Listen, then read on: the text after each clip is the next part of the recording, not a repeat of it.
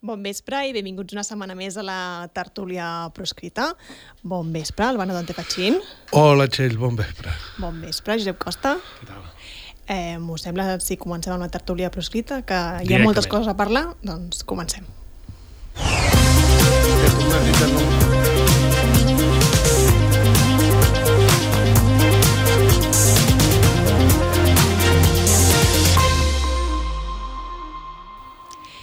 I comencem parlant del reconeixement del català a Europa, i jo t'anava a dir, Josep Costa, tenia raó, no és tan senzill això, com ens feien veure al principi. Home, eh, era una mica desagradable, eh, diguéssim, desinflar la il·lusió que tenia molta gent per aconseguir-ho, però jo sempre he intentat dir el que pens i assumir-ne les conseqüències. Això em sembla que és l'eslògan d'en Vicent Partal, però eh, també el faig meu aquí.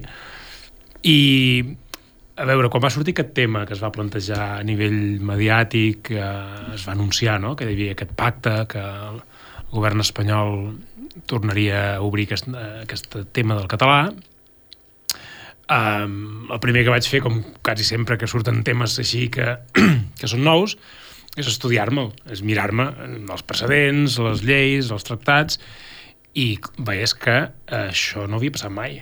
És a dir, que no hi ha, a Europa no hi ha cap llengua que estigui reconeguda com a oficial que no sigui una llengua amb la qual s'han subscrit els tractats en el moment d'adhesió de l'Estat eh, que té aquella llengua com a oficial. És a dir, introduir llengües a posteriori no ha passat mai. Uh, el cas d'Irlanda, que sí que es va introduir a posteriori l'oficialitat, en el moment d'adherir-se a Irlanda a la Unió Europea, sí que es va fer el tractat en irlandès i ja es va posar com una llengua del tractat. El, en el cas espanyol es repeteix una mica la jugada del, del 2005 que el govern Zapatero amb el ministre Moratinos ja varen presentar una proposta de reformar el reglament que els hi varen tombar. I un dels arguments, aquesta és una de les coses que, que no s'ha comentat gaire, però eh, en el moment que Espanya va fer la proposta del 2005, eh, la presidència de Luxemburg va portar el tema al Consell i el va portar amb un informe que deia que només podien ser oficials a la Unió Europea les llengües dels tractats. I això va fer caure la proposta de, del govern espanyol en aquell moment i es va fer tota aquella història dels acords bilaterals que al final no es van complir gaire. Després hi ha l'experiència de Xipre, que m'ha cridat l'atenció, eh, em sembla que eh, també ho destacava a VilaWeb a la notícia, que Xipre havia expressat suport explícit a la incorporació del català. Clar, Xipre té un precedent que és que va demanar el turc eh, que és oficial a Xipre però no és oficial a la Unió Europea, eh, va demanar que es fes oficial i eh, diguéssim li varen donar llargues i llargues i llargues i encara eh, no li han dit que no ni que sí eh, que aquest és l'altre problema que ens trobarem que és que eh, ara a partir d'aquest moment que ja ens han dit que això va per llarg, no? el ministre espanyol ja ha dit que això va per llarg perquè han demanat uns informes, etc etc. eh, és que ja no sabem si mai més ens sentirem a parlar del tema. És a dir, supos que sí, que hi haurà gent que en tornarà a parlar i tornarà a treure el tema, però en el cas del turc, eh, a Xipre, per exemple, es va demanar, em sembla que és el 2016, i si busques eh, informació a internet no se n'ha parlat mai, no n'hi ha informació que s'hagi tractat mai més el tema, ni ningú n'ha parlat mai més. I per tant, no se sap què ha passat ni què passarà, i, i aquest seria el pitjor escenari, supos, pel, pel català. Jo no he esperat mai, crec que ho vàrem dir en una tertúlia aquí, uh, que hi hagués una votació en contra. Uh -huh. uh, això no, no està mai previst que hi hagués una votació en contra. Crec que vaig llegir aquelles declaracions d'un diplomàtic que deia que això es havia de crear un grup de treball i enterrar-ho discretament. Uh -huh. És a dir, el fet de que no hi hagi, és a dir, això que es diu de que no hi ha vetos, eh, eh, és enganyós, no? perquè l'estratègia per tombar-ho mai ha estat el veto, sinó és eh, fer-ho perdre, diguéssim, en la burocràcia i que la gent se n'oblidi o que passi el momentum del tema i, i, i, i se'n deixi de parlar sense fer massa en renou. Si us sembla, connectem un moment amb la redacció de VilaWeb per... perquè l'Arnau Lleonard, que és qui va estar a Estrasburg, ens expliqui exactament què va passar, quin eren els, ànim, quin eren els ànims i com es va viure tot plegat, què, què deien allà uh, les altres parts. Hola Arnau, bon vespre. Oh, hola Txell. Em, què, què, què, és, què vas viure a Estrasburg? És a dir, tu que vas poder parlar uh, de primera mà amb, tota la, amb tots els ministres que es van reunir allà i tal, què, què, vas, què, vas, ver, què vas copsar? Mm -hmm. Doncs a Luxemburg uh, el Ai, que... Per, sí, M'he equivocat. uh, uh, en aquestes cimeres el que es fa, primer entren els... van passant els ministres de cada estat i s'aturen i pots parlar amb ells amb una oportunitat i amb una proximitat que normalment no, no passen bueno, amb aquest tipus de figures. I allà, si, si nosaltres no els hi preguntàvem, els periodistes catalans no els hi preguntàvem, per ells no parlaven no, del tema del català. Llavors, um, vaig poder preguntar en el finlandès, vaig poder preguntar en el, en el ministre de Letònia i uh, una de les coses que va sobtar va ser aquest primer... Aquest no de Letònia, bueno, no, un, la mala cara o, o la manera d'entomar-ho negativa d'una manera diferent del que, del que havíem vist ja a Brussel·les el mes anterior, que també vaig ser-hi, perquè fins ara tots els arguments eren, mira, és que això Espanya no ho ha portat ben preparat, um, pot ser complicat, s'obre la porta a un possible efecte dòmino no? amb altres llengües uh, no reconegudes. Però el que ens va sobtar era aquest... Uh, ara això no toca.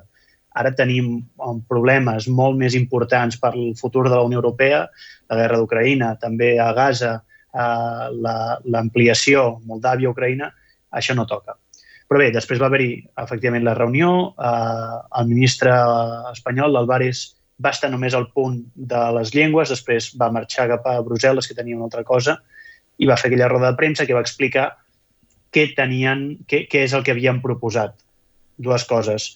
Ens va explicar que dimarts anterior, vull dir, fa, fa just una setmana, havia demanat un informe als serveis jurídics de la Comissió Europea, que també a mi em va sobtar moltíssim, que hagués esperat tant fins la setmana anterior just per demanar aquest tipus d'informe, i que eh, a la nova proposta que diu que portarien en el, quan el proper cop que portin aquesta qüestió, ho formularà d'una manera amb unes condicions per singularitzar-ho al cas de l'estat espanyol, creant tota una sèrie de requeriments pels quals eh, una llengua podria ser oficial encara que no, que no fos com això que deia en Josep Costa, no? les llengües extractats o, o la llengua ja oficial d'un estat, doncs creant tota una sèrie de condicionants que a la pràctica només podés complir l'estat espanyol, que era una manera de, de calmar aquesta por de, de l'efecte dòmino. Després, parlant amb delegacions, de, fons de delegacions d'aquests governs, doncs eh, ens ho compraven perquè el que ells sempre ens havien criticat de portes que van fora, després poden haver-hi arguments com que no els interessa i, i deixar-ho un calaix, eh? és que no tenien un paper sobre el qual treballar. No els havien aportat informes, no tenien res, era tot aire. Llavors diuen, mira, doncs, com a mínim podrem tenir una cosa sobre la qual discutir, perquè és que ara no en teníem i no podíem posicionar-nos. Eh, per tant, el que podríem dir segur és que el 15 de novembre, que era com la última possibilitat abans de la possible investidura eh, que s'aprovés això, ja ho descartem? Jo diria que sí. Ja en... Fins ara el govern espanyol havia estat jugant molt a donar, a donar peixet. No t'ho deien, que sí, que sí que seria, tampoc no ho descartaven. I en aquesta il·lusió col·lectiva doncs anava pensant, bueno, doncs si no va ser el setembre, podria arribar a ser l'octubre, difícil, però encara, encara ens quedaria la data del novembre. I bueno, la teníem no? posada com a, com el calendari de podria ser. Clar, l'endemà d'aquesta cimera a Luxemburg surt en una entrevista a TV3 i diu no, aquest tipus d'informes triguen dos o tres mesos. Això fins ara no ho havia explicat així. També és veritat que és un coneixement que, que periodistes especialitzats a Europa eh, ja ho haguessin pogut dir i tot plegat, no? Però fins ara no havia sortit el govern espanyol a dir que això trigaria dos o tres mesos a tenir l'informe i és a partir d'aquest informe que han de refer una proposta. Això dilata. El 15 de novembre no, no, no crec que hi hagi... És que no crec ni que vagi a l'ordre del dia. Perfecte, Arnau. Moltes gràcies per la informació i fins la pròxima. Gràcies a vosaltres. Jo, escoltant l'Arnau, em plantejava un dubte. És, el govern espanyol ha fet prou? És a dir, es podia haver fet més? És a dir, demanar l'informe ara, no l'hauria no pogut demanar abans, aquest informe, per exemple, per, per alleugerir els passos? Jo crec que és evident, no? Bé, jo... Mm, que ara estava escoltant tota la qüestió del funcionament de la Unió Europea, els informes... I a mi ara mateix el que m'interessa és posar el focus en la part catalana. Escolta'm, eh, la Unió Europea pues, té els seus d'allò. El ministre letó té els seus d'allò i el govern del PSOE tindrà els seus incentius. A mi el que em preocupa enormement és que hi hagi aquesta, aquest posicionament naïf de no, aviam si... Jo me'n recordo fa unes setmanes que tothom estava dient ostres, l'Alvarez sembla un activista de Plataforma per la Llengua. De veritat, encara estem creient-nos aquestes coses. De veritat, mira, Ara diré una cosa de la qual no tinc cap prova, però vull que algú em digui això és impossible. Escolta'm, el, el govern espanyol ha parlat amb dos o tres governs que ja tingui pactats i els hi ha dit jo em presentaré en les reunions a apretar-te perquè diguis que sí i tu em dius que no, ¿vale? A canvi jo et donaré, jo què sé, avions, si és Letònia o, el que sigui. I per tant, fem aquest teatret i entretenim els catalans. Eh, vaig molt desencaminat. És a dir, jo el que, que... no sé lo, si ni els hi cal, això. jo, jo el que, jo el que em, em preocupa és que la part negociadora catalana, o la part, diguéssim, que representa els interessos de la gent de Catalunya, no encari les negociacions d'aquesta mena amb, amb una mirada de que aquestes coses són possibles, de que el món real funciona així. De que tu no vas a dir eh, no, eh, senyor Letó, l'explico, és que som 10 milions de parlants. Al senyor de Letonya no li importa si som 10 milions, 5 o 25. I, i, i el nego... Li, li importa els russos que té allà. Bueno, li importen els russos, li importa el que els hi hagi pogut dir Margallo, li importa el que li hagi pogut dir la setmana passada a Álvarez sobre la seva aportació en armes cap a l'exèrcit de Letònia. És a dir, hi ha moltes variables que, insisteixo, quan, quan a tu et toca negociar en, en aquest ambient, has de tenir en compte qui tens davant. Tens davant un estat, tens davant la Unió Europea, tens davant estats i, eh, en, una, en un moment de tensió geopolítica enorme. Jo escoltava fa tres dies la entrevista que li van fer a Ràdio Nacional a la consellera Meritxell Serret i sembla que envies a negociar a gent del CAU amb tots els respectes pel cau. Escolta'm, no, perquè eh, nosaltres tenim la intenció i la bona voluntat de les parts. Jo entenc que tu no pots, en plenes negociacions, dir segons què. Ara, semblar, semblar que tu estàs negociant com si estiguessis en el pati d'un col·legi, a mi el que em preocupa és que no és que ells diuen això i fan aquest posat per fer veure una cosa mentre per darrere estan trencant cames. No, és que ells mateixos s'han cregut que el que funciona en la política catalana, de fer veure, de les paraules boniques, de les paraules buides, d'aquesta manera de parlar com si la gent fos tonta o ximple, doncs el que em preocupa no és que públicament facin això, és que s'ho creuen. I jo és que des d'aquí puc sentir la, el riure del ministre Álvarez rient amb el ministre Letó i rient tots plegats del, de, de, de la candidesa de la postura catalana. I jo el que em pregunto és, i ho deixo aquí, perquè estic una mica... Recomano que la gent escolti l'entrevista que li han fet a Ràdio 4 a, a la consellera Serret sobre aquest tema. Jo, de, de veritat, eh, estic molt preocupat, estic molt, però ja no pel català, pels catalans.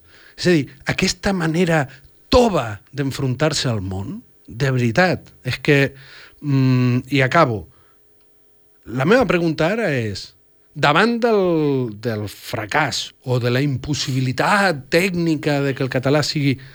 Com s'ho farà Puigdemont per, al final de tot, no semblar una Meritxell Serret més? Aquest és el, aquesta és la pregunta. Això us anava a preguntar, perquè eh, Puigdemont va assegurar que les paraules ja no valien, que calien fets, i de moment els fets no estan arribant. No, és el, és el problema que ja crec que havíem identificat en, en aquesta tertúlia, que quan entres en una negociació saps com entres però no saps com surts. És a dir, és, tu pots ser presoner de la mateixa negociació que tu has dissenyat. i, i evidentment, eh, aquí ha passat el que, el que vàrem dir, que és que comences dient no hi haurà investidura sense català i els fets i les circumstàncies t'acaben portant a l'escenari de si no hi ha investidura, oblida't del català. I aleshores, eh, eh, això en una negociació és un gir que et descol·loca completament i descol·loca el president i, es descol·loca tothom. A veure, jo no vull ser tan, eh, eh, diguéssim, concloent de dir que això s'ha acabat, eh, perquè, evidentment, no, no s'ha acabat tot el joc polític, no, no sabem si hi haurà investidura, és evident que si hi ha investidura eh, després hi haurà pressupostos, hi haurà lleis i, i, i tot això tot això es pot allargar molt.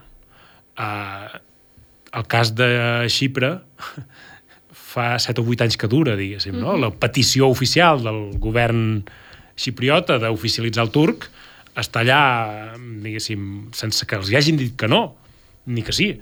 I, per tant, això es pot allargar com un xiclet eh, eh, molt. Eh, pot acabar amb una cosa com el 2005, això també ho vàrem comentar, que és que es recondueixin una altra cosa que ja no sigui l'oficialitat eh, plena del català en igualtat amb les altres llengües, sinó que sigui jo que sé, eh, que es pugui parlar al Parlament Europeu, uh -huh. eh, que es puguin fer determinades coses que ara no es poden fer en català i a partir d'ara es puguin fer. És a dir, que es doni una miqueta més de reconeixement al català del que té ara. Que això també pot passar. Alguna cosa semblant que el que passa al Congrés, perquè en realitat al Congrés ara es pot parlar i es pot entregar, però vull dir, tampoc s'ha arribat a que totes les lleis s'han de traduir al català, per exemple. Correcte, i ara i, i, i els papers que es presenten s'han de presentar traduïts sí. perquè hi ha d'haver tot un procediment. És a dir, és possible que això es pugui estirar i que es puguin fer passes progressives, poden passar moltes coses. I, i, però jo estic completament d'acord amb això que deies, que, que el que no es pot anar per la vida és amb la, el lliri a la mà i, i, i pensar que caient simpàtics i explicant-nos que els catalans són molts i que estan discriminats perquè, som clar, hi ha altres llengües que, que tenen menys parlants que nosaltres i tenen la llengua oficial i nosaltres no i clar, la resposta al final és quan sigues un estat, et tractarem com un estat. És que això us volia preguntar, perquè avui, eh, precisament, quan he vist la sentència del TCJC que imposa definitivament la troncal, una troncal més de castellà a l'Escola del Turó de Canet, em preguntava, no? Quin sentit té que, vale, aconseguim el català a Europa, però l'estat espanyol continua cada dia eh, eh, treballant en contra del català, amb aquest tipus de sentències.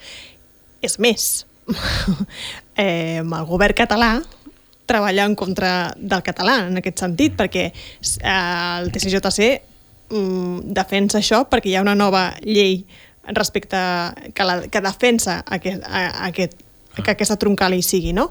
Eh, mira, aquesta llei va ser aprovada pels partits independentistes, per tant, eh, tot plegat és una mica... Per tant, no sé fins a quin punt en realitat, si volem defensar el català, el que hem de defensar és la independència i ja està. Eh, aquesta idea de que si falla el català falla tot, no? crec que és de Fuster, qui ho deia. Bé, després... Després ho buscarem. Ah, després ho buscarem. Però aqu aquesta idea de fons de que si el català falla, falla tota la resta, al final, en aquestes discussions, el català al Congrés, el català a Europa, eh, el català a les escoles, al final el que estem veient és que al voltant del que passa al català, és a dir, el català és com el canari que ajuda a detectar el, la força de la, de la posició política de, de, de la nació catalana. És a dir, quan la força política de la nació és feble, es nota tot arreu.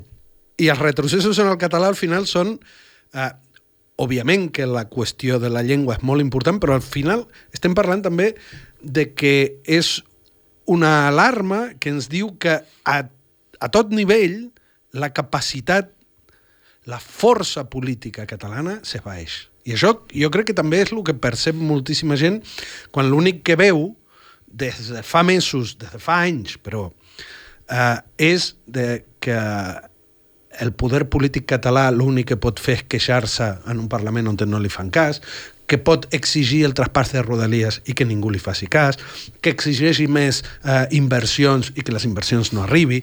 Jo crec que eh, la, la qüestió del català és molt important, però és que mm, em preocupa encara més aquesta sensació, aquest missatge implícit i repetit de manera constant de que no existeix poder polític català. És a dir, no, no existeix, és a dir, a tothom li surt gratis no fer cas a les demandes polítiques dels catalans, eh, expressades a través dels partits que els representen, del Parlament que els representen, etc. I, per tant, em sembla un missatge perillós eh, per, per, per la consistència democràtica del país. És a dir, dona igual el que digui un president de la Generalitat. Dona igual el que digui un estatut de, la, de un estatut d'autonomia.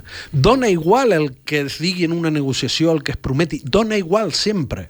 I potser avui estic una mica més negatiu del, del, del, del no, que és normal, però la sensació de que no hi ha poder no tenim exèrcit, no tenim exèrcit, és veritat, però és que ja no és que no tenim exèrcit, hem basat tot el nostre poder polític en aquesta idea de que no som els bons, tenim raó. No, a ningú li importa. I que els nostres representants hagin cregut que es pot estirar eternament aquest, eh, aquesta manca de resposta cap a les aspiracions de tota una part de la població és que em sembla molt preocupant mm, democràticament. Jo, jo crec que tot... És que, és que ho hem dit tantes vegades que potser soni repetitiu, però al final el, el que passa és que si tu vens derrota, si tu vens moral de derrota, que és el que ven el govern, eh, que és el que ha venut Esquerra Republicana eh, i el PDeCAT i, i sectors eh, de tot l'independentisme des de fa molt de temps, aquesta moral de derrota, oh, no ens en van sortir, o oh, van fracassar, o oh, Espanya som més forts del que ens imaginàvem, o oh, això és més difícil del que ens havíem imaginat, uh, ui, no, no hem trobat tants aliats com ens pensàvem. És dir, això fot sis anys que ens estan inculcant aquest discurs. Aquesta moral de derrota es trasllada a tot es trasllada a l'ús de la llengua, es trasllada a, a, a la mobilització política, es trasllada als carrers... És a, dir, a, a la percepció dels joves que no volen formar part d'un moviment polític. És a dir, ningú vol formar part d'una colla de losers eh, eh, eh, i, per tant, al, al, al final hem entrat en un cercle viciós que l'hem de rompre. I jo crec que en, en aquests moments Eh, sí que és veritat que aquesta, posar el català damunt la taula amb aquest, en aquest moviment sorpresa que hi va haver a l'estiu, no? amb el tema de la investidura i tal, va generar un efecte de, de dir, ostres, eh, podem generar una dinàmica positiva de, de guanyar coses, de tornar-nos a engrescar i de... Eh, eh, però ha durat el que ha durat perquè el substrat és tan feble com és. Per, per això jo dic que és tan important veure com resol, diguéssim, aquest capítol mm. em sap greu per, per ell i per el seu espai, però és que al final eh, la resolució final només hi cap o una decisió una manera de fer una resolució de les negociacions que donin aquest nou impuls de dir, escolta'm, estem aconseguint coses, estem avançant, etc, o que finalment eh, es tanqui aquest aquest cicle de, de, de retrocessos. Per tant, eh, més enllà de la investidura sí o no, que és aquest mm -hmm. debat, de, no, hi haurà investidura, no hi haurà investidura, jo crec que l'important és el que passi amb la investidura serà l'enèsima prova del retrocés i la cap o no. I això no crec que es dirimeixi només en si es vota que sí o es vota que no. És, és molt més ampli. Ara, mm, vull veure, perquè si, si eh, el tema del... com és? Del interlocutor Uh mhm. -huh. no, interlocutor es diu, no. Mediador, el mediador... El pacificador. El pacificador. Sembla que això tampoc està gaire d'allò. L'amnistia, clar, ara no hi ha temps. Lo del català... Em, em costa imaginar com... I em costa imaginar, i espero que ho trobi, eh? però em costa imaginar com eh, el president Puigdemont pot acceptar alguna cosa amb les cartes que hi ha, insisteixo, queda temps i esperem que... Però... Demà, fa, demà faltarà un mes, vull dir, tampoc queda tant de temps.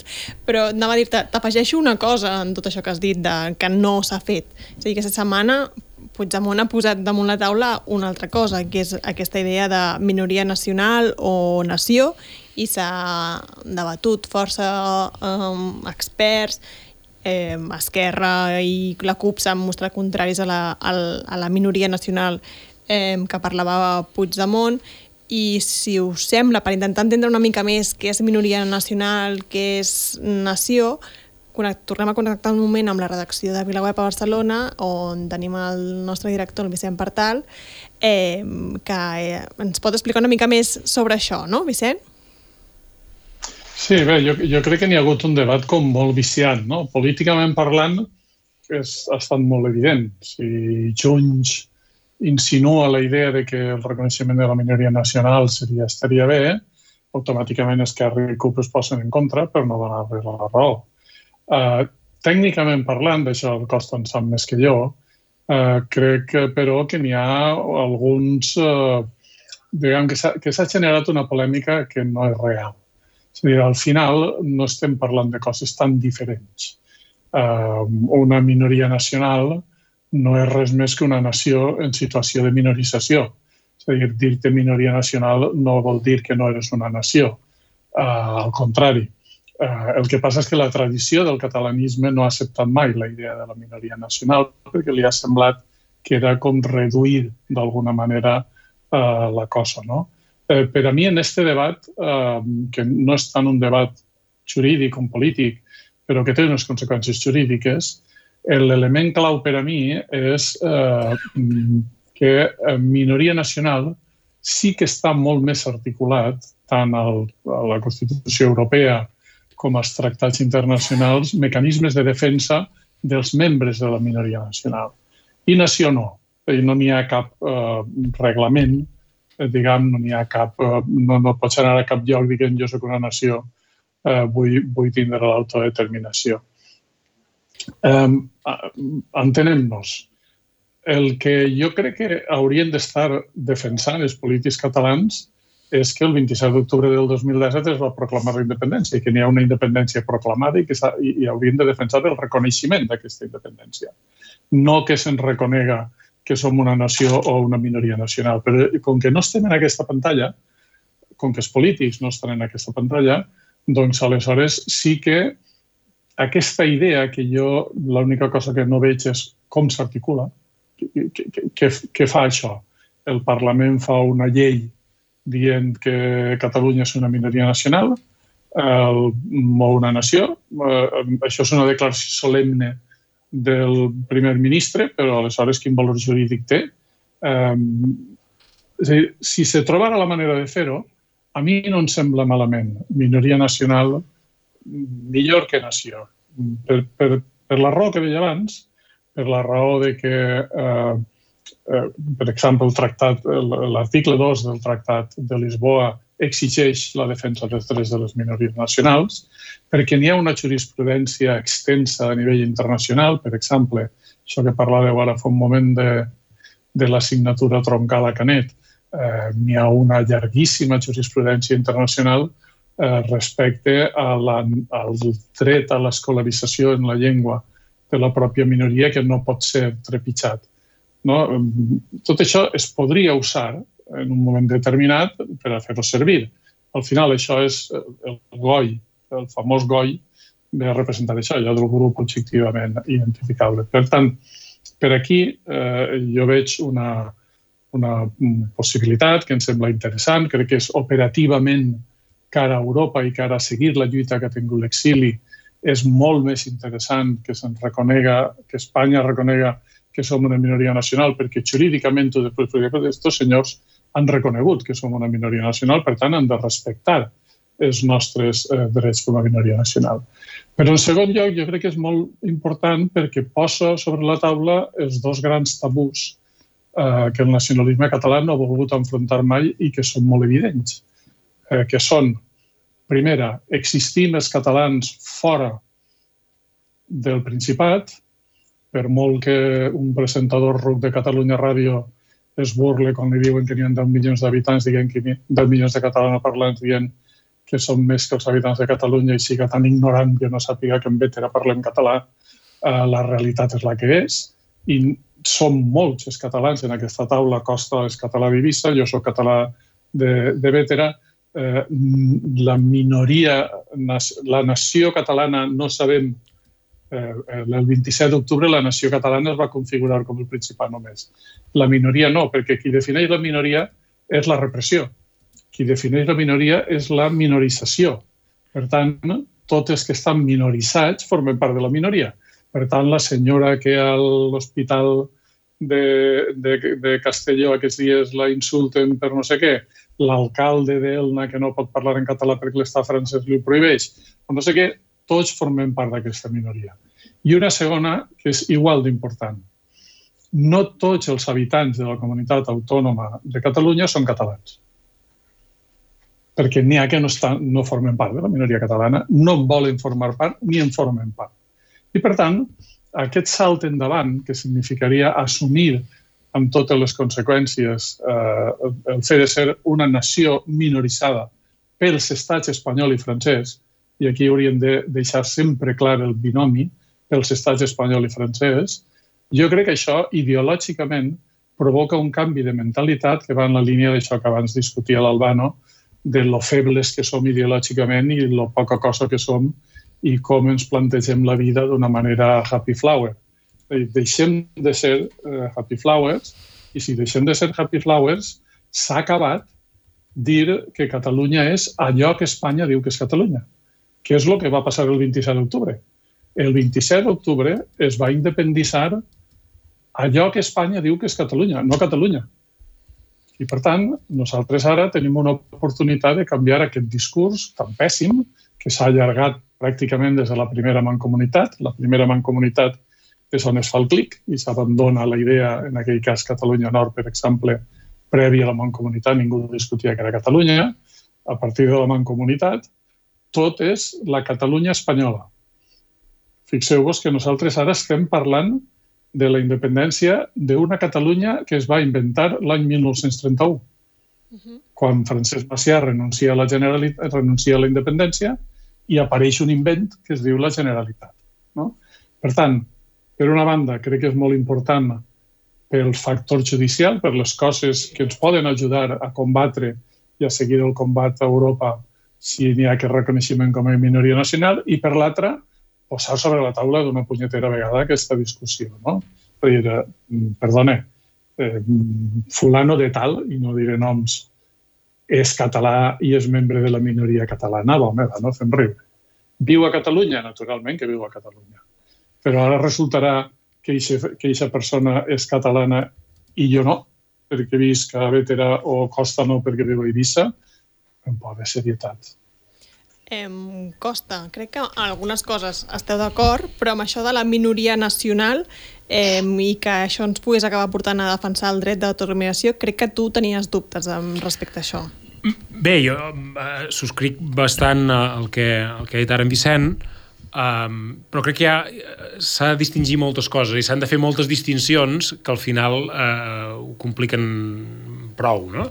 És a dir, el, la qüestió nacional eh, té dos elements, I, i aquí ara parlàvem, i en Vicent parlava sobretot de la qüestió jurídica i de la qüestió del reconeixement eh, constitucional, polític, etc. Eh, però la qüestió de, diguéssim, la identitat nacional eh, també eh, veu d'això. És a dir, els catalans eh, que se'ns reconegui d'una altra manera o que se'ns identifiqui d'una manera concreta eh, és una qüestió jurídico-política, però també és una qüestió d'identitat com a país. És dir, per tant, la comprensió de, de, de, que tenim els catalans de ser una nació, de no ser una regió, no ser una nacionalitat, eh, també exclou considerar-nos una minoria. És a dir, nosaltres, com a identitat, la nostra identitat és la de nació.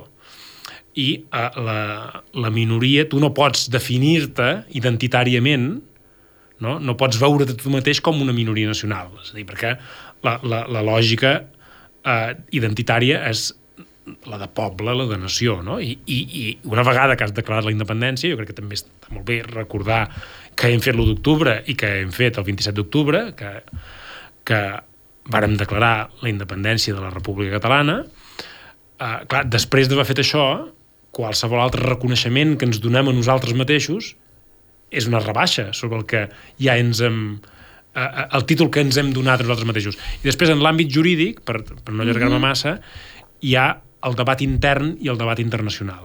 Uh -huh. És a dir, és molt diferent el parlar d'una minoria nacional en l'àmbit internacional, en l'àmbit del dret internacional, eh, l'altre dia en parlàvem, no?, d'aquesta dicotomia entre el dret constitucional i el dret internacional.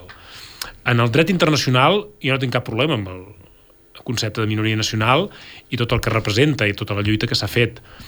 En el dret constitucional tinc totes les objeccions a, a parlar de minoria nacional. Per què? Perquè, a veure, l'Estatut vigent, que es va anul·lar i es va adulterar i tot això, l'Estatut vigent encara diu que Catalunya és una nació eh, el Constitucional va dir que no tenia cap valor ni, ni que no, no, no tenia efectes interpretatius, però la frase encara hi és, que el Parlament de Catalunya s'ha declarat ha declarat Catalunya com a nació. Per tant, el Parlament de Catalunya no ha de renegar ni canviar la consideració de Catalunya com a nació ni la declaració d'independència que ha fet el 27 d'octubre, perquè el Parlament de Catalunya no ha derogat ni ha renegat mai de la declaració d'independència. Per tant, el Parlament de Catalunya per exemple, si ara el Parlament decidís autoatorgar-se, diguéssim, o autoatorgar al poble de Catalunya la condició de minoria nacional, estaria fent una cosa que jo crec que no hauria de fer mai de la vida. Atès que la condició de minoria te la dona el fet de pertànyer a un estat, estaries implícitament reconeixent que tu formes part d'un estat, quan tu has declarat la independència i has dit que no vols formar part d'aquest estat. Bé, perquè això no va preguntar per, per si ho entenia bé, eh? i també suposo que molta gent està dubtant. Podries, és a dir, tu no, podries no renunciar a ser una nació, però ser una minoria nacional dins l'estat espanyol? És a dir... Ah... No, no, eh... Sí, sí, digues, Vicent. No, no, és que això jo crec que no, no ens hauríem de confondre. El Parlament de Catalunya no pot declarar que som una minoria nacional, això és impossible. El Parlament de Catalunya declara la independència. L'únic valor i l'única factualitat del fet seria si el govern espanyol o el Parlament espanyol reconeixen que, eh, la, que reconeixen l'existència de la nació catalana i que té una condició de minoria als efectes de la llei internacional. Eixa és l'única possibilitat. Tota la resta no serveix de res. Si això passés, aleshores té un interès, perquè és un pas endavant que te pot ajudar, sobretot que te pot donar palanques addicionals per anar avançant cap a la causa justa que és la que justifica la unilateralitat al final. És a dir, tu pots dir, escolta, és que és la pròpia Espanya la que reconeix que eh, eh, Catalunya viu una situació de minorització d'acord amb les regles internacionals. Si Espanya no fa res per complir les regles internacionals, està provocant una causa justa per la qual jo, puc jo tinc dret a tirar per la via unilateral. Això és el meu esquema, però això eh, ni el Parlament de Catalunya reconeix que és una minoria nacional, ni nosaltres hem d'anar per la vida dient que som una minoria nacional. És estrictament eh, si, es, si, si, si en la negociació s'aconsegueix això, que jo sóc molt pessimista, jo crec que això no passa. Jo a hores d'ara crec que no n'hi haurà, mm, no hi haurà cap possibilitat d'arribar a un acord eh, per, a, per a res, amb, tal com estan les coses, però aquesta eh, jo la veig que si això arribés tindria un valor més encara si està sumat a, a una altra cosa que crec que tampoc passarà, que és l'existència d'un equip internacional de mitjancers, de negociadors, que garanteixen davant de la comunitat internacional que aquestes coses s'estan complint o que denuncien si no s'estan complint. Si aquest fos l'escenari, jo crec que lo de minoria nacional està molt bé, és una peça a aprofitar molt ràpidament, però només en aquest escenari. Uh -huh. Ha de ser l'estat espanyol, en la forma que vulgui, que reconega que Catalunya és una nació que està en situació minoritzada i que, per tant, eh, se li han d'aplicar la normativa internacional a la minoria nacional. Costa, no sé si... No, um, jo, ja, ja, abans deies uh, dues coses de, de, sobre com es com s'articula uh, això. És a dir, hi ha un parell de precedents recents uh, en què uh, Espanya ja ha negat eh, que Catalunya o els catalans puguem ser una minoria nacional, per exemple, és, eh, i, i a més s'hi posen molt en contra que eh, un exemple va ser quan el relator de Nacions Unides sobre minories nacionals va fer l'informe sobre la repressió i sobre la situació de Catalunya després del 2017 i eh, va fer aquell informe i Espanya, quan va respondre, que tenia l'obligació de respondre, va dir és que els catalans no són una minoria nacional. És a dir, per tant, si volgués reconèixer-ho, doncs com que crec que ha arribat algun altre requeriment d'aquest relator de minories nacionals de Nacions Unides, Espanya podria, en el seu informe contestant, diguéssim, d'acord, hem canviat d'idea, ara sí que reconeixem que els catalans són una minoria nacional. Um, I l'altra discussió és amb el conveni europeu uh, de protecció de les persones uh, membres de minories nacionals, que passa exactament el mateix, que Espanya ha signat aquest conveni i sistemàticament nega que els catalans o els bascos o els gallecs eh, siguem minories nacionals dins de l'estat espanyol. És a dir, Espanya és membre de, signatari d'un tractat i d'una eh, eh, diguéssim, d'un esquema internacional que protegeix les minories nacionals i eh, només l'aplica als gitanos, diguéssim. No, no reconeix que tingui ningú més en qui li siguin aplicables aquestes eh, normes. Però hi ha una cosa que aquí potser matitzaria el que, el que ara deies, que jo crec que també ens va molt bé, que és que la, el, diguéssim, l'organisme de supervisió d'aquest tractat de minories nacionals sí que ens reconeix com a minoria nacional a nosaltres. I Espanya ho nega. Però cada, eh, eh cada, diguéssim, cada informe que fan, cada període de temps en què han de fer una supervisió del compliment del tractat, aquest grup de seguiment eh, insisteix en que Espanya hauria de tractar les seves minories nacionals i reconèixer-les com a tals, perquè ho són. I Espanya segueix negant que ho són. I des del punt de vista de la causa justa, a mi m'agrada més aquesta situació. És a dir, que totes les instàncies internacionals diuen que som una minoria nacional, per tant una nació minoritzada, i Espanya ho nega.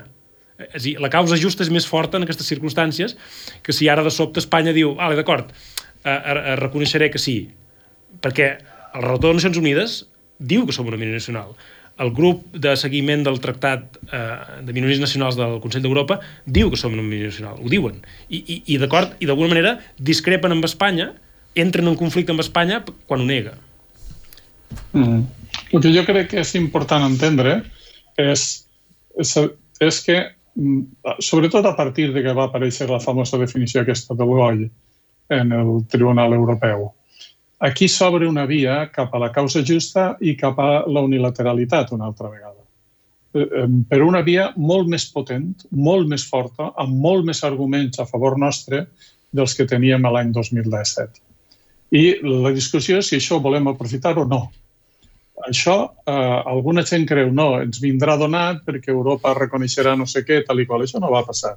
Europa no va reconèixer res. Eh, això només funcionarà si les eleccions pròximes les guanya un partit independentista o es pot formar una coalició independentista que vulgui eh, reprendre el camí de la unilateralitat. I si això passa, eh, tots els avanços que tinguem per aquesta via, dels tribunals europeus, del GOI, del reconeixement per part d'Espanya de la minoria nacional, etc etc etc, són pedres que s'acumulen per abastir un envit que eixe sí, el segon envit l'ha de fer el Parlament de Catalunya i ha de ser recuperar les lleis de transitorietat i de la República i tirar endavant amb el procés de construcció de la República. Però eixa faena es fa a casa. Eixa faena la farem els electors votant i si tenim sort i la cosa funciona, els possibles polítics que puguen creure's això anar al Parlament i fer eh, que el Parlament de Catalunya torne a la situació del setembre del 2017. Això va a banda de l'altre, que ningú es crega que perquè ens declaren minoria nacional, nació, perquè el català sigui no sé què, Europa, etc etc, anem a guanyar la independència. Per ahir no, per ahir no anem a guanyar res. L'únic que anem a fer és tindre acumulat molta més força, un coixí més gran, per a la causa justa i per a la unilateralitat. Per tant, eh, aquest, molta gent avui està confusa, diguem, no, estem renunciant a la unilateralitat. Jo no ho veig així. Estem acumulant coses que poden servir per a la unilateralitat. I l'únic és, la, al final, la, la política és l'exercici de com te ho fas per aportar a bon port una idea que ara, en el fons, només estem dibuixant en un paper sobre una taula. Albano, volies afegir alguna cosa? Sí, no, sobre això últim que deia en Vicenç, aquesta, diguéssim, aquesta, separar aquests dos àmbits, no? La, la qüestió, diguéssim, pels que no maneguem els conceptes jurídics, aquesta qüestió més abstrusa no? de lo que passa a Europa i com ens veuen els tribunals, etc. Això per una banda, i per l'altra, al final aquest debat, el que ens convida, i, i Vicenç deia eh, els tabús no? que, mm -hmm. que hi ha darrere aquest debat. No? Primer, la qüestió de les fronteres, al final Catalunya és una qüestió administrativa espanyola com a, com a, com a frontera, però a més a més, eh, aquesta idea de eh, qui són els catalans, qui som els catalans, de què estem fets, quin, quin lloc ocupem. Aquesta pregunta o aquestes disquisicions, i aquí sí que vull ser optimista, potser són les, els debats i les idees al voltant dels quals reconstruir el, el pensament català o, o donar-li densitat. Jo abans deia aquesta feblesa que estem vivint, no? de que ens pensem que, que, que, que negociar amb l'Estat o que negociar amb la Unió Europea és una cosa de, de somriures i de donar-se la mà. Doncs potser al voltant d'aquests debats, de qui som, què som, aquesta idea d'un sol poble. Vull dir, perquè escoltant a Vicenç deia, bueno, aquí hi ha un munt d'idees molt fortes, molt arraigades, el, el un sol poblisme, no? que aquest és un debat que ha sortit últimament, que també té a veure amb com ens considerem i quin és el subjecte polític de la lluita política al final. No? És a dir, són debats que són molt complicats però optimistament penso que poden ser al voltant d'aquests debats on es doni de, es doti de densitat la mirada política catalana, perquè si no jo eh, torno al principi del debat. És dir, hòstia, és que semblem que no existim. Mm -hmm. No, en el, fons, en el fons tot plegat és, eh, i una mica també ho deia en Vicent, eh, el, el tema és què farem aquí. Perquè tots sabem que la independència no passa per Madrid, la independència passa per, per, per què fan eh, eh, la gent i els polítics aquí. I de moment no gaire res. El que han anat fent és desmobilitzar, desanimar, desmoralitzar i, i, i fer sentir a la gent que, que hem fracassat. No? I, I tot això és el que hem de revertir i que hem de, hem de reconstruir. I una part substancial, importantíssima de tot, de tot plegat, és si hi ha una segona fase de conflicte si hi ha una segona ofensiva de conflicte amb l'Estat. I totes aquestes bueno, coses són, són útils en la mesura que hi ha conflicte amb l'Estat. Vale, perquè però si qui, tot plegat... Quin serà el vector d'aquest conflicte? Perquè bueno, recordo que... que el vector, la, la vegada anterior, el 2017, era aquesta idea de la democràcia, no? Recordeu que, clar, en el moment que els que van venir després van dir no són prous, al final eh entrava en col·lisió amb el vector del conflicte. Quin ha de ser el vector? O sigui, això aquest debat que parlàvem pot ajudar a trobar aquest vector de conflicte. Sí, a veure, al, al final el vector de conflicte és l'autodeterminació, és, és la nostra condició de uh, poble sotmès a govern estranger, perquè al final, si la Generalitat no pot governar-nos nosaltres mateixos perquè res no depèn de la Generalitat ni té els diners per gestionar res eh, important, sinó només que pagar les nòmines i, per tant, de repartir talons. Uh, uh, si la Generalitat no ens dona un autogovern real, som un poble que eh, s'ha declarat i es considera a si mateix un subjecte polític que s'ha autodeterminat i que ha declarat la independència, però està sotmès a un govern estranger. Per tant, aquest és el conflicte. És, jo crec que és... I, i, I és la part que a mi em preocupa, més enllà de que Espanya ens reconegui d'una manera o d'una altra, jo el que voldria des de Catalunya és no reconèixer el govern d'Espanya. És dir, si nosaltres hem, ens hem declarat independents i ens creiem que ens hem declarat independents, no hauríem de fer res que ni implícitament ni explícitament, molt menys, eh, suposi reconèixer el dret d'Espanya de governar-nos. És dir, el, el conflicte és aquest, és negar-li a Espanya el dret o la legitimitat de governar-nos, de continuar governant-nos després de l'1 d'octubre, perquè eh, ja hem decidit que el govern d'Espanya és il·legítim en territori de Catalunya i només l'han exercit per la via de la força. Però per la via de la força no et legitimes. T'has de legitimar amb la democràcia i, i d'alguna manera, amb, amb, amb, amb el reconeixement de la població. I per tant, jo per mi, jo per mi claríssimament és aquest el factor de conflicte, és negar-nos a reconèixer la legitimitat d'Espanya per governar-nos. I eh, aquest és el, el risc que jo li veig en els pactes amb Espanya i els pactes amb el PSOE i els pactes a Madrid, que és que, vulguis o no vulguis, estàs reconeixent la seva legitimitat per governar-nos. Perquè si tu els has investit, si, si tots els diputats elegits a Catalunya eh, com a catalanistes, independentistes, etc, donen suport a la investidura del president espanyol, com podem anar pel món dient que no reconeixem la legitimitat d'Espanya per governar-nos? Em, per tant, aprofito només una última cosa, eh? però avui precisament en l'editorial deies que l'emboscada de Sánchez acur és acorralar cada dia més clarament a Junts i que tu veies cada vegada més impossible que hi hagués una investidura, no? O que si, I que si fos, diguéssim, l'estratègia seria eh, provar-ho a l'últim minut a veure si, si la pressió pot amb Junts, diguéssim.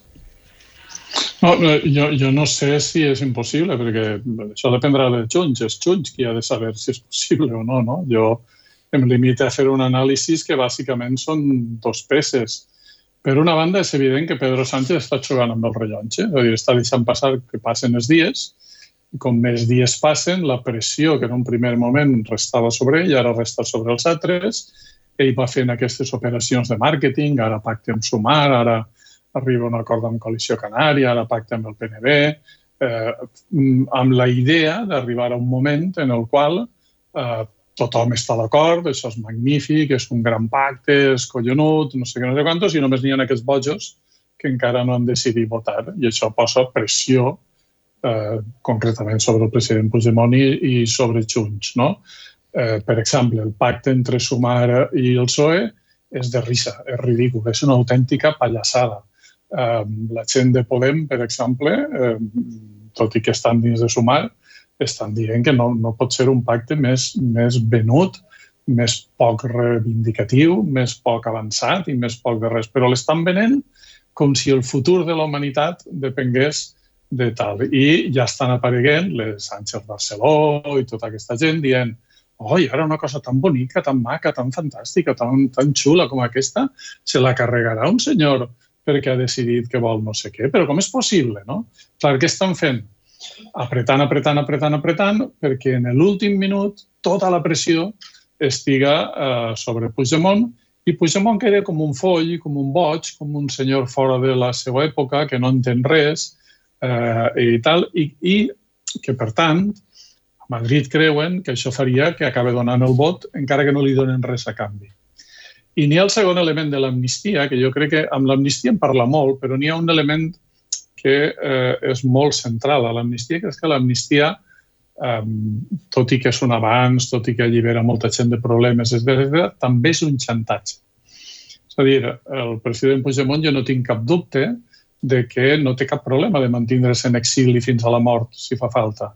Ho ha demostrat. És que crec que ja posar-nos a discutir d'aquestes coses és ridícul. Ja ho ha demostrat suficientment, que no busca una solució personal. Ara, n'hi ha 1.200, 1.300 persones que ara dependran de la seva decisió i que si ell diu que no o es diu que sí, la seva vida canvia.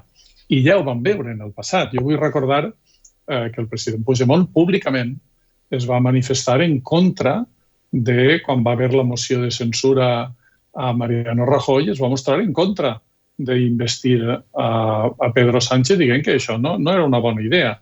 Però què va passar? Que els familiars dels presos, que no sé què, que li van anar a rondar i que no va poder aguantar la posició. No?